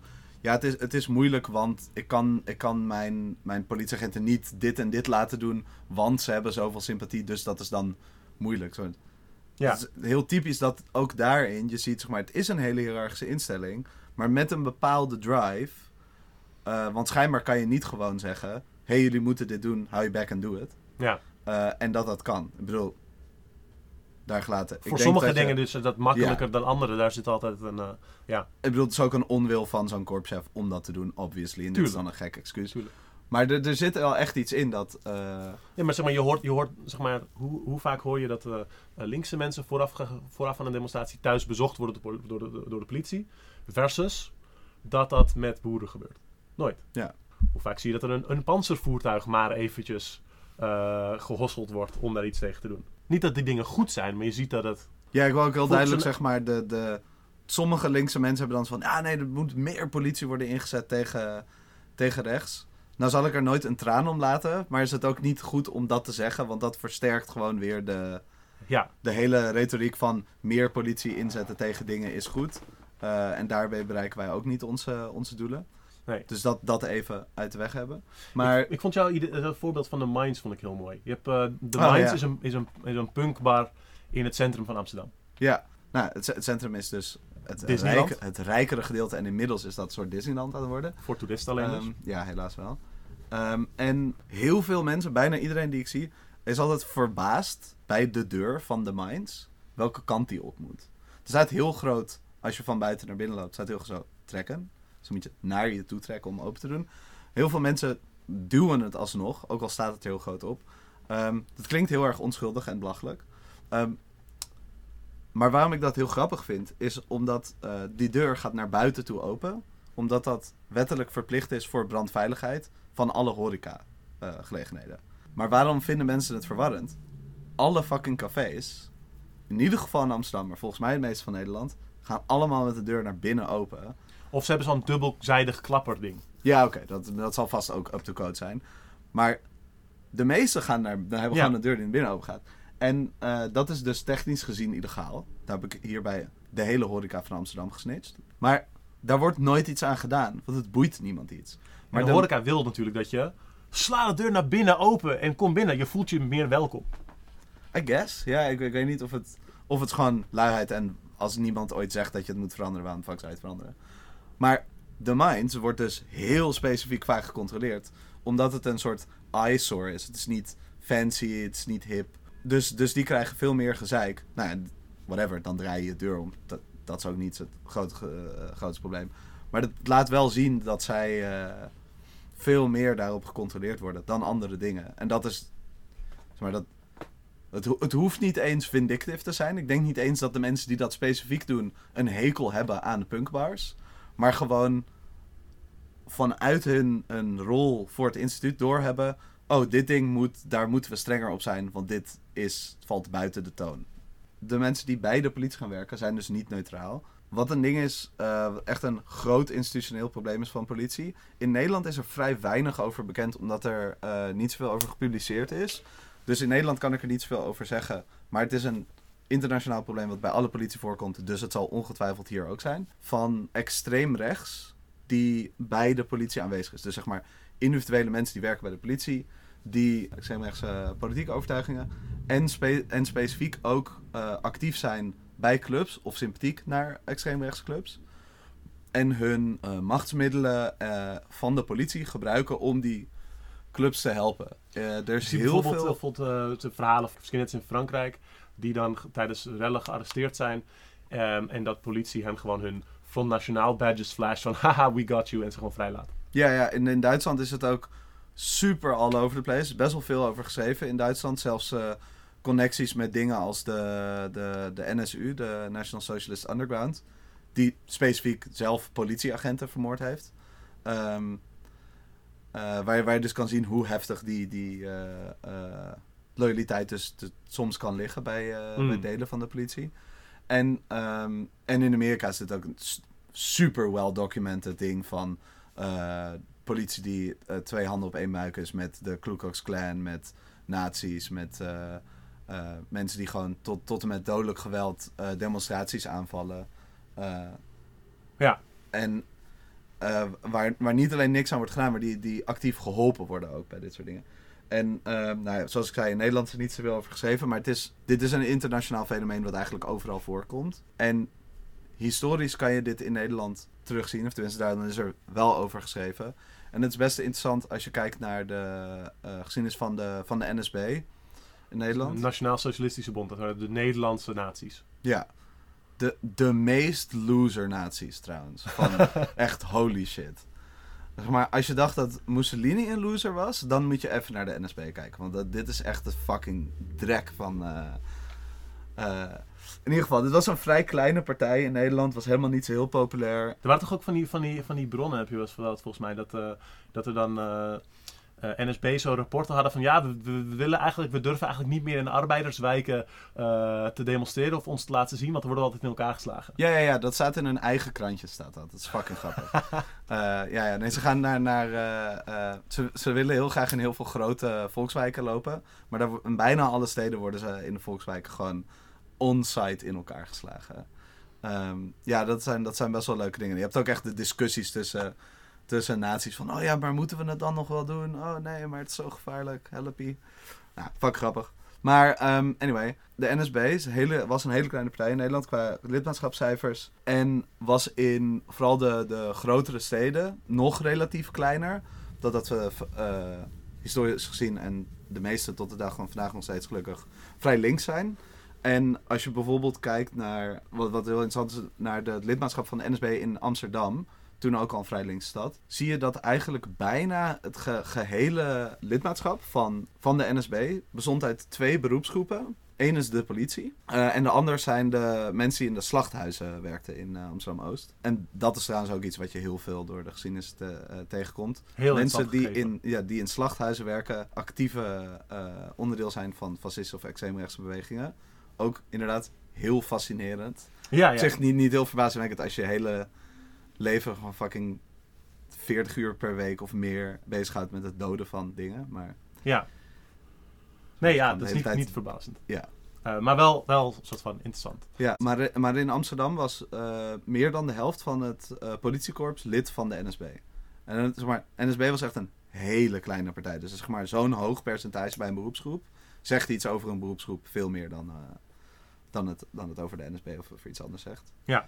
En dit is gewoon iets wat je door de geschiedenis heen eh, ziet. De- Hetzelfde bij, eh, bij inlichtingendiensten zie je ook altijd dat, eh, dat daar rechtse mensen op, op afkomen. Ja. Ja. Aard van het beestje. Ja. Dus wat is politie voor, voor activisten? Want we hebben het al een aantal dingen natuurlijk genoemd. Het probeert meestal te, te frustreren en te voorkomen dat er verandering teweeg kan brengen. Ehm, meestal sympathiek naar soort van reactionaire groepen en conservatieve en, en eh, dus onze tegenstanders eigenlijk. Ja, ik denk dat het vooral, eh, wat- wat, je zei van dat het probeert te frustreren of te voorkomen dat er verandering eh, plaatsvindt. Op een hele specifieke manier, denk ik. Want de politie is wel een, een, een politieke actor, zoals we beschreven hebben. Ze hebben bepaalde doelen. Ehm, eh, en ook al heeft de politie wel eh, ook intern die, die carrot en stick eh, aanpak van repressie aan de ene kant, maar aan de andere kant eh, dingen als community policing en. Maar die, die cooptatiestrategie ernaast lopen. ja. ehm, ook al hebben ze beide die dingen, zijn ze, zijn ze vaak, als het er op aankomt, geneigd om meer naar repressie te willen leunen Of in ieder geval een vorm van het inzetten van hun middelen. En de, de meeste vormen van cooptatie zijn niet politiemiddelen. Nee. De meeste vormen van cooptatie zijn namelijk veel meer economische middelen. Dus zeg maar het aanbieden van subsidies of, of een, een plek aan de onderhandelingstafel. Of je mag ook in een adviesraad zitten. Of, of het formaliseren van eh, structuren en het Ja. erkennen van bepaalde dingen. Dat, dat is iets wat de, de, de heersende klasse en, en de eh, eh, machthebbers van de politiek kunnen doen. Lokaal of landelijk of wat dan ook. Ehm, daar heeft de politie vaak zelf niet zoveel over te zeggen. Mhm. Wordt ook vaak niet zoveel meegenomen in hun eigen strategie. En eh, wat, je, wat je ziet bij, nou, als je dan heel klein inzoomt op individuele acties of protesten, maar ook op eh, bewegingen, is dat de politie vaak een wat korte termijn houding en strategie heeft op het de kop indrukken van dat soort eh, protesten. Wat dus niet altijd repressie hoeft te betekenen, maar vaak wel een neiging heeft of, of daar meer mee dreigt eh, dan andere structuren dat zouden doen. Omdat het nou eenmaal de manier, zeg maar, hun machtsmiddel is. Dat is de manier Ja. hoe zij Ze hun zijn in totaal meer de stick. Ze zijn op zichzelf Ja. al meer de stok dan. Ja. Ja. Ja. Je zou is zelfs kunnen collega. zeggen dat ze allemaal een stok hebben. Ja, ja. En, en, dat, en dat is voor, voor eh, activisten specifiek heel interessant. Eh, omdat het maakt vaak niet eens zo heel veel uit of je wel of niet de daadwerkelijke wetten overtreedt, zoals we eerder al zo ook hebben. Maar je, je gaat tegen een bepaalde ongeschreven regel in. Van je probeert iets op een progressieve of linkse manier of, of Ja. eh, tegen de, de machtsstructuur in te veranderen. Je probeert die machtsstructuur aan te passen. Dat gaat tegen hun belangen in. En je ziet dat er dan heel snel ingegrepen wordt. En het is dus belangrijk eh, voor activisten om door te hebben dat in dit soort situaties de politie niet aan je kant staat. Dus zelfs als je gewoon een, een demonstratie hebt waarbij er verwacht wordt dat er niks illegaals gaat gebeuren, betekent het niet dat de politie dan nog wel aan je kant staat. Want, want dat is ook niet zo. Nee. Nee. Ja, dus er is, vaak inderdaad een, eh, iets van een dreiging of een poging om informatie in te winnen of om later iets te kunnen doen. ehm, of om de situatie in de hand te kunnen houden of soort van te minimaliseren op manieren die ook niet per se direct verhouden tot mogelijke overtredingen of, of gaande overtredingen. Zeg maar, mogelijke overtredingen zijn ook, dat is ook iets wat vaak genoemd wordt. Maar niet iets overtreedt, dan hoor je ook niet er hoort daar ook geen consequentie voor te zijn, want je hebt niet iets gedaan. Dus er wordt vaak wel ook gedreigd met de mogelijkheid daarvan. Maar dat is ook een teken van hoe, wat je zegt, zeg maar, Ja. de, maar ingrijpen vanwege dat punt van er moet... Ja, en het is, het is ook zeg maar, zeg maar, noem het beroepsdeformatie.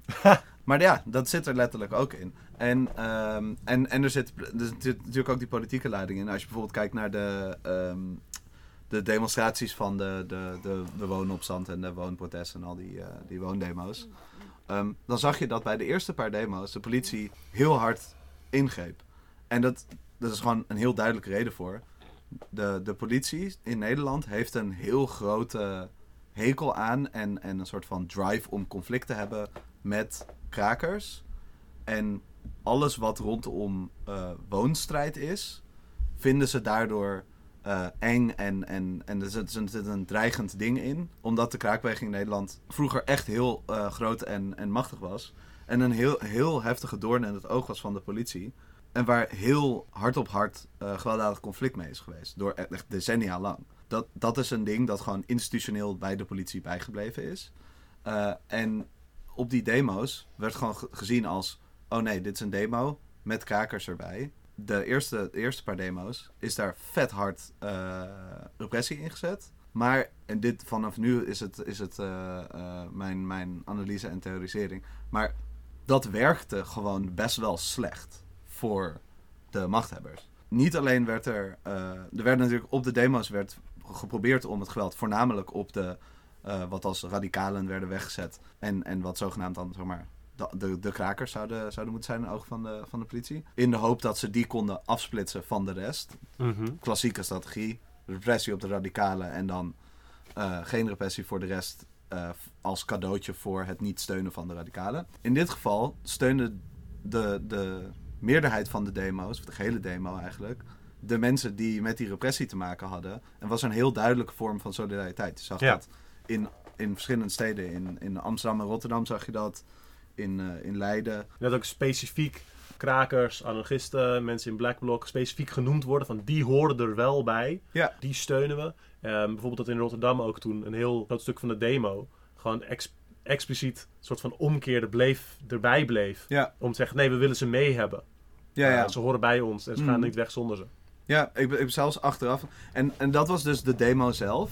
En dat werd, omdat het zo breed gedragen werd, daarna ook opgepakt in de media. Ja. Die eerst vanuit hun soort van normale knee-jerk reactie waren ze van, oh ja, hmm, Black Bloc slecht. Paste dat vrij snel aan eh, nadat de, de, namens de, de organisatie van de gele demo werd gezegd dat ze solidariteit stonden met de mensen die eh, door de politie werden aangevallen. Zag je dat zelfs steeds bredere delen van de bevolking dat gingen doen. Ik heb zelfs een interview gezien, volgens mij iemand van de 50-plus partij die bij eh, de demo van eh, Rotterdam was. Die zoiets zei van, ja, nee, ik heb mijn partijkleuren aan en zij hebben gewoon zwart aan. Ja, dat is hun uniform. Ja, Eh, ja super vet. Ja. Ehm, en je zag dat bij die demo's daarna er iets meer eh, twijfel zat in dat, in dat inzetten. En dat, dat ze een beetje teruggefloten zijn. En ik, en ik denk dus dat dat komt wel vaker voor. Als het niet werkt, als het echt averechts is, kunnen ze teruggefloten worden. Want ook al is het dus een, een eigen actor met vrij veel autonomie, uiteindelijk krijgen ze wel bevelen van boven. En als ze te horen krijgen, nee, dit mag echt niet. Je kan natuurlijk altijd conflicten intern in die, die, die structuur hebben, zal, maar er zal intern ook een ze... afweging zijn geweest. Eh, de- eh, mensen die bij de politie werken en daarom allerlei dingen, die zullen het ook niet leuk hebben gevonden dat er eh, steun betuigd werd in de media, Mhm. dat, dat, dat dat gezien Ja. werd. Dus dan zullen zij zelf intern ook wel zoiets hebben van, oh, dit, dit was misschien niet het handigste of zo. Ja, en Maar, maar dit is dus om dan weer in te zoomen op wat, wat is de politie voor activisten. In dit geval was de politie dus een tegenstander die probeert eh, activisten op te splitsen. Maar omdat mensen door hadden dat de, de politie de tegenstander was van niet alleen die kleine groep, maar van de hele demo door hun gedrag. Konden ze zich zo sterk neerzetten dat diezelfde vorm van repressie daarna minder voortkwam. En eh, de demo's door konden gaan. Ja, ja. Met, met alle diversiteit van zowel het Zwarte Blok als andere groepen. eh, die gezamenlijk naar in die demo lopen. Ja, precies. Vaak als, als tegenstander doet, doet politie een aantal dingen. We hebben er heel veel al over gehad. En een deel daarvan is dus die, die repressie. En een deel van de repressie is ook bedoeld om mensen te ontmoedigen. Dus mensen die gearresteerd worden, ehm, die daar een ongemak eh, ervaren of, eh, of geweld of geweld op straat. Eh, mensen die zelfs in de gevangenis komen en, en daar natuurlijk niet de beste tijd hebben. En heel, heel veel daarvan zeg maar, is bedoeld om dus dat, dat gedrag te ontmoedigen. En om mensen de moed weg te nemen. En om mensen het idee te hebben dat het geen zin heeft. Dat je er niet, dat je niet iets, dat je bepaalde dingen niet kan doen. Ehm, maar in ieder geval ook dat je, dat je moet, moet gehoorzamen aan die orde. Dat je niet uit je, uit je plaats moet stappen. Ik bedoel, heel simpel. Het kan gewoon heel traumatiserend zijn Ja, om in elkaar geslagen te worden of gearresteerd te worden of al deze dingen. ja. En, en dat, is, dat is gewoon een heel, heel simpele logica. Maar, de, de, zeg maar de, de reden is om dingen te ontmoedigen. En voor ons is juist we, onze, onze moed, onze hoop, onze, onze wil om dingen te veranderen, onze, eh, eh, ons doorzettingsvermogen is een van de belangrijkste dingen die we, die we hebben. Eh, een van de dingen die ons op de been houdt en die het zorgt dat we allerlei dingen gedaan krijgen. En daarom is het dus heel belangrijk om eraan te werken dat dit soort strategieën eh, dat die ontmoediging niet zoveel effect heeft. En een van de manieren om dat te doen is door voor elkaar te zorgen. Door eh, mensen die gearresteerd zijn te proberen te steunen. Ehm, en dat kan zijn met, met zorg achteraf. Eh, wanneer, mensen, wanneer ze terugkomen, wanneer mensen eh, eh, geweld hebben meegemaakt, wanneer mensen getraumatiseerd zijn, maar ook wanneer ze nog gearresteerd zijn. Om ze te laten weten dat ze niet alleen staan, om te zorgen dat ze steun hebben die ze nodig hebben. Dat een advocaat betaald kan worden. Dat bijvoorbeeld een, een noise demo kan mensen het gevoel geven van... oh ja, ik sta er niet alleen voor. Ze zijn er voor me, ze zijn daar. Ehm, en ze zijn, ze zijn met me bezig of ik voel me verbonden met hun. Ik ben niet alleen in de wereld met, met alleen maar eh, politie en cipiers om me heen. Ja, ik, ik denk dat wat heel belangrijk is om te benoemen is dat als je eh, politiegeweld ervaart of als je gearresteerd wordt, is een van de sterkste disempowering dingen daaraan, zeg maar, die, die, die zeg maar echt gewoon je je heel klein of machteloos laat voelen, is het feit dat de controle volledig bij je, van je afgenomen wordt. Dat is namelijk het hele punt. Zij willen de controle zelf terugnemen, Ja. zetten daar een geweld voor in. Ehm, dit zijn allemaal dingen die dat weer terug kunnen geven. Als jij binnen zit in de gevangenis, je bent gearresteerd bij een demo, en er komt een noise demo van 50 kameraden langs, is dat super eh, machtig gevoel geeft dat. Ook al hebben ze jou daar neergezet, weet je dat al je kameraden daar nog zijn. Dat is. Ja.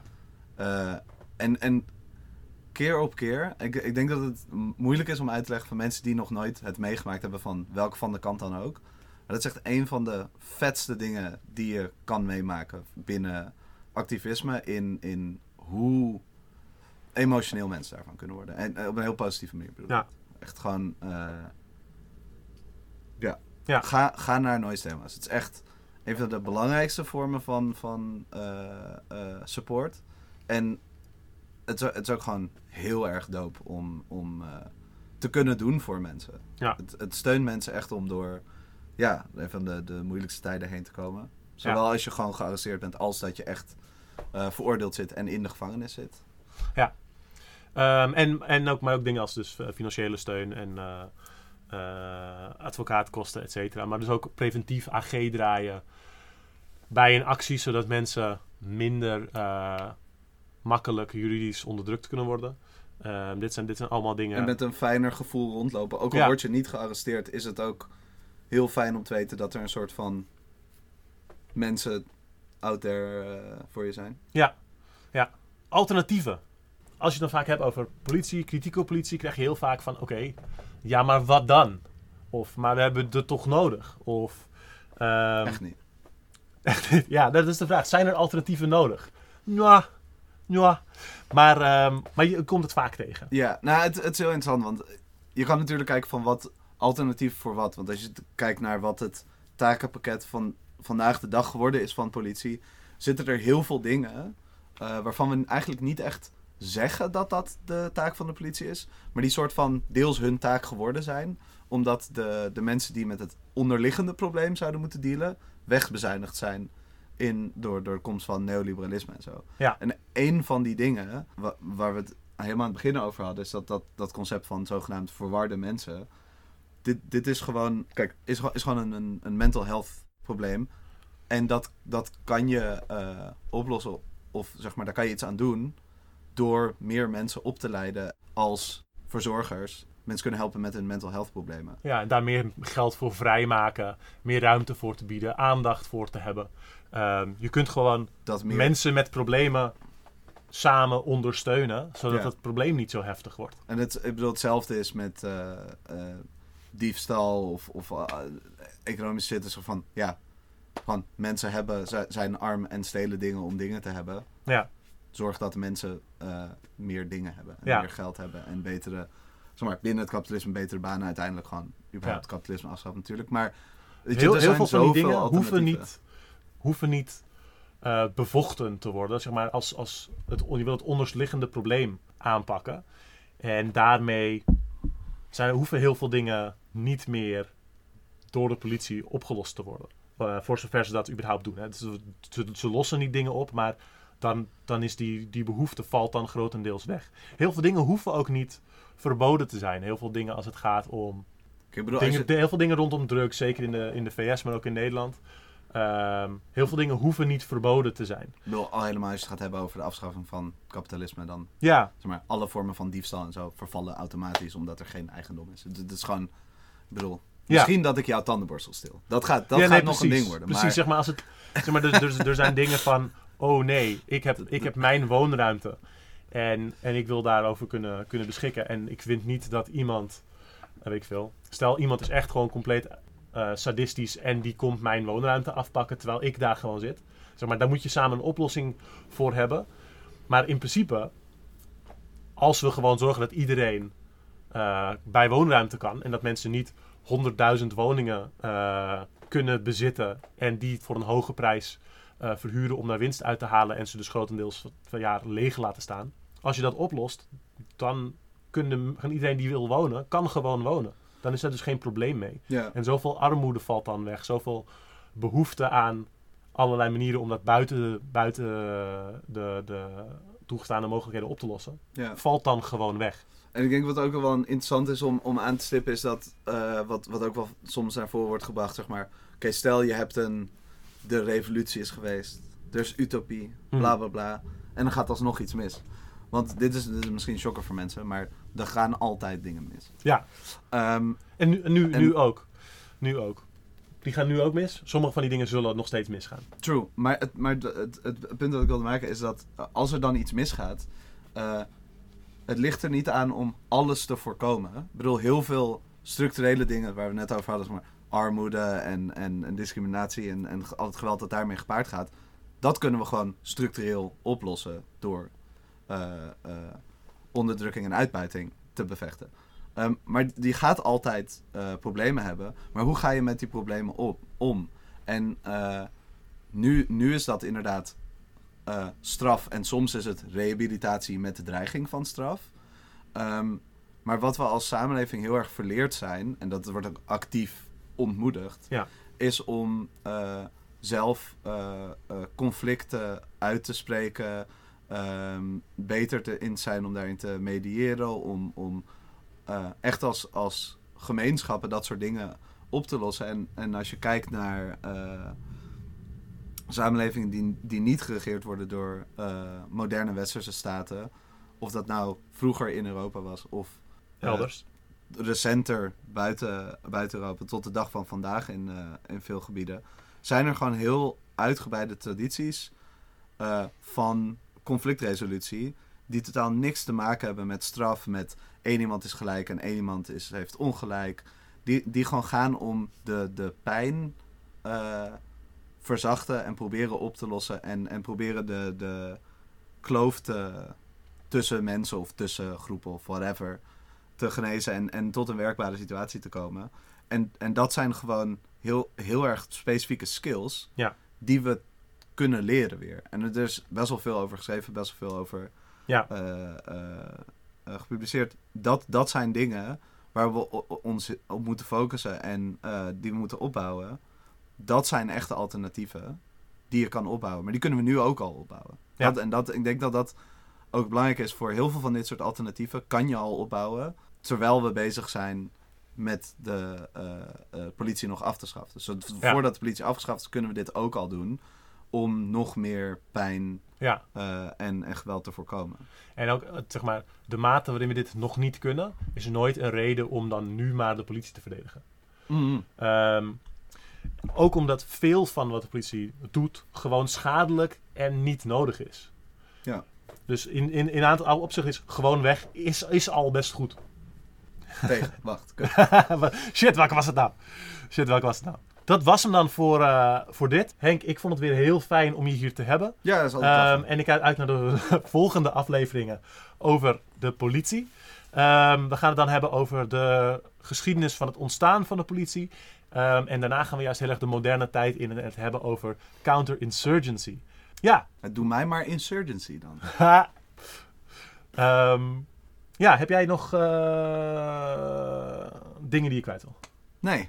Nou, Makkelijk, goed. hè? Ja, dat Ja, is wel ja. lekker. Nou, we zijn al even bezig. Ja, dit was hem. Hartstikke bedankt voor het luisteren. Laat me weten wat je ervan vindt. En eh, deel het met iedereen die vindt dat eh, de politie wel hun vriend is. Like, comment en share. Like, sowieso. comment en share. Altijd, altijd. Smash that bell. Smash that bell.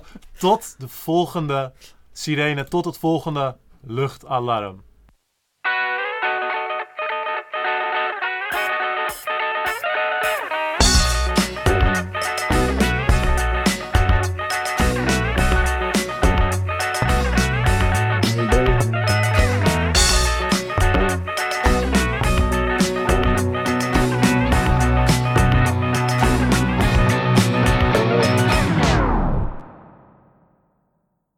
Clip ook heel goed van, van de, die, die webcomic.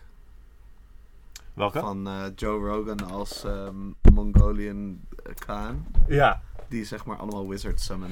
Oh, ik ken het alleen als een verhaaltje. Dat hij het zegt van... eh, Joe conquer all the planes, but now Joe want to know about the ways of the world and science. You, wizard, tell Joe of the sun and stars. Yes, great Joe, I will inform you now. You see, uh... Oh, but now other wizard told me this. Ja, ja, ja, die- How die, does ja. this compare? Die, uh, Oh shit. eh. dat is namelijk exact die shit met. ehm fuck, hoe heet die guy ook weer? Jordan Peterson. Ja. Dat was van: eh, dit is eh, equality of outcome. Dat is fucking bullshit. Nee, nee, shit.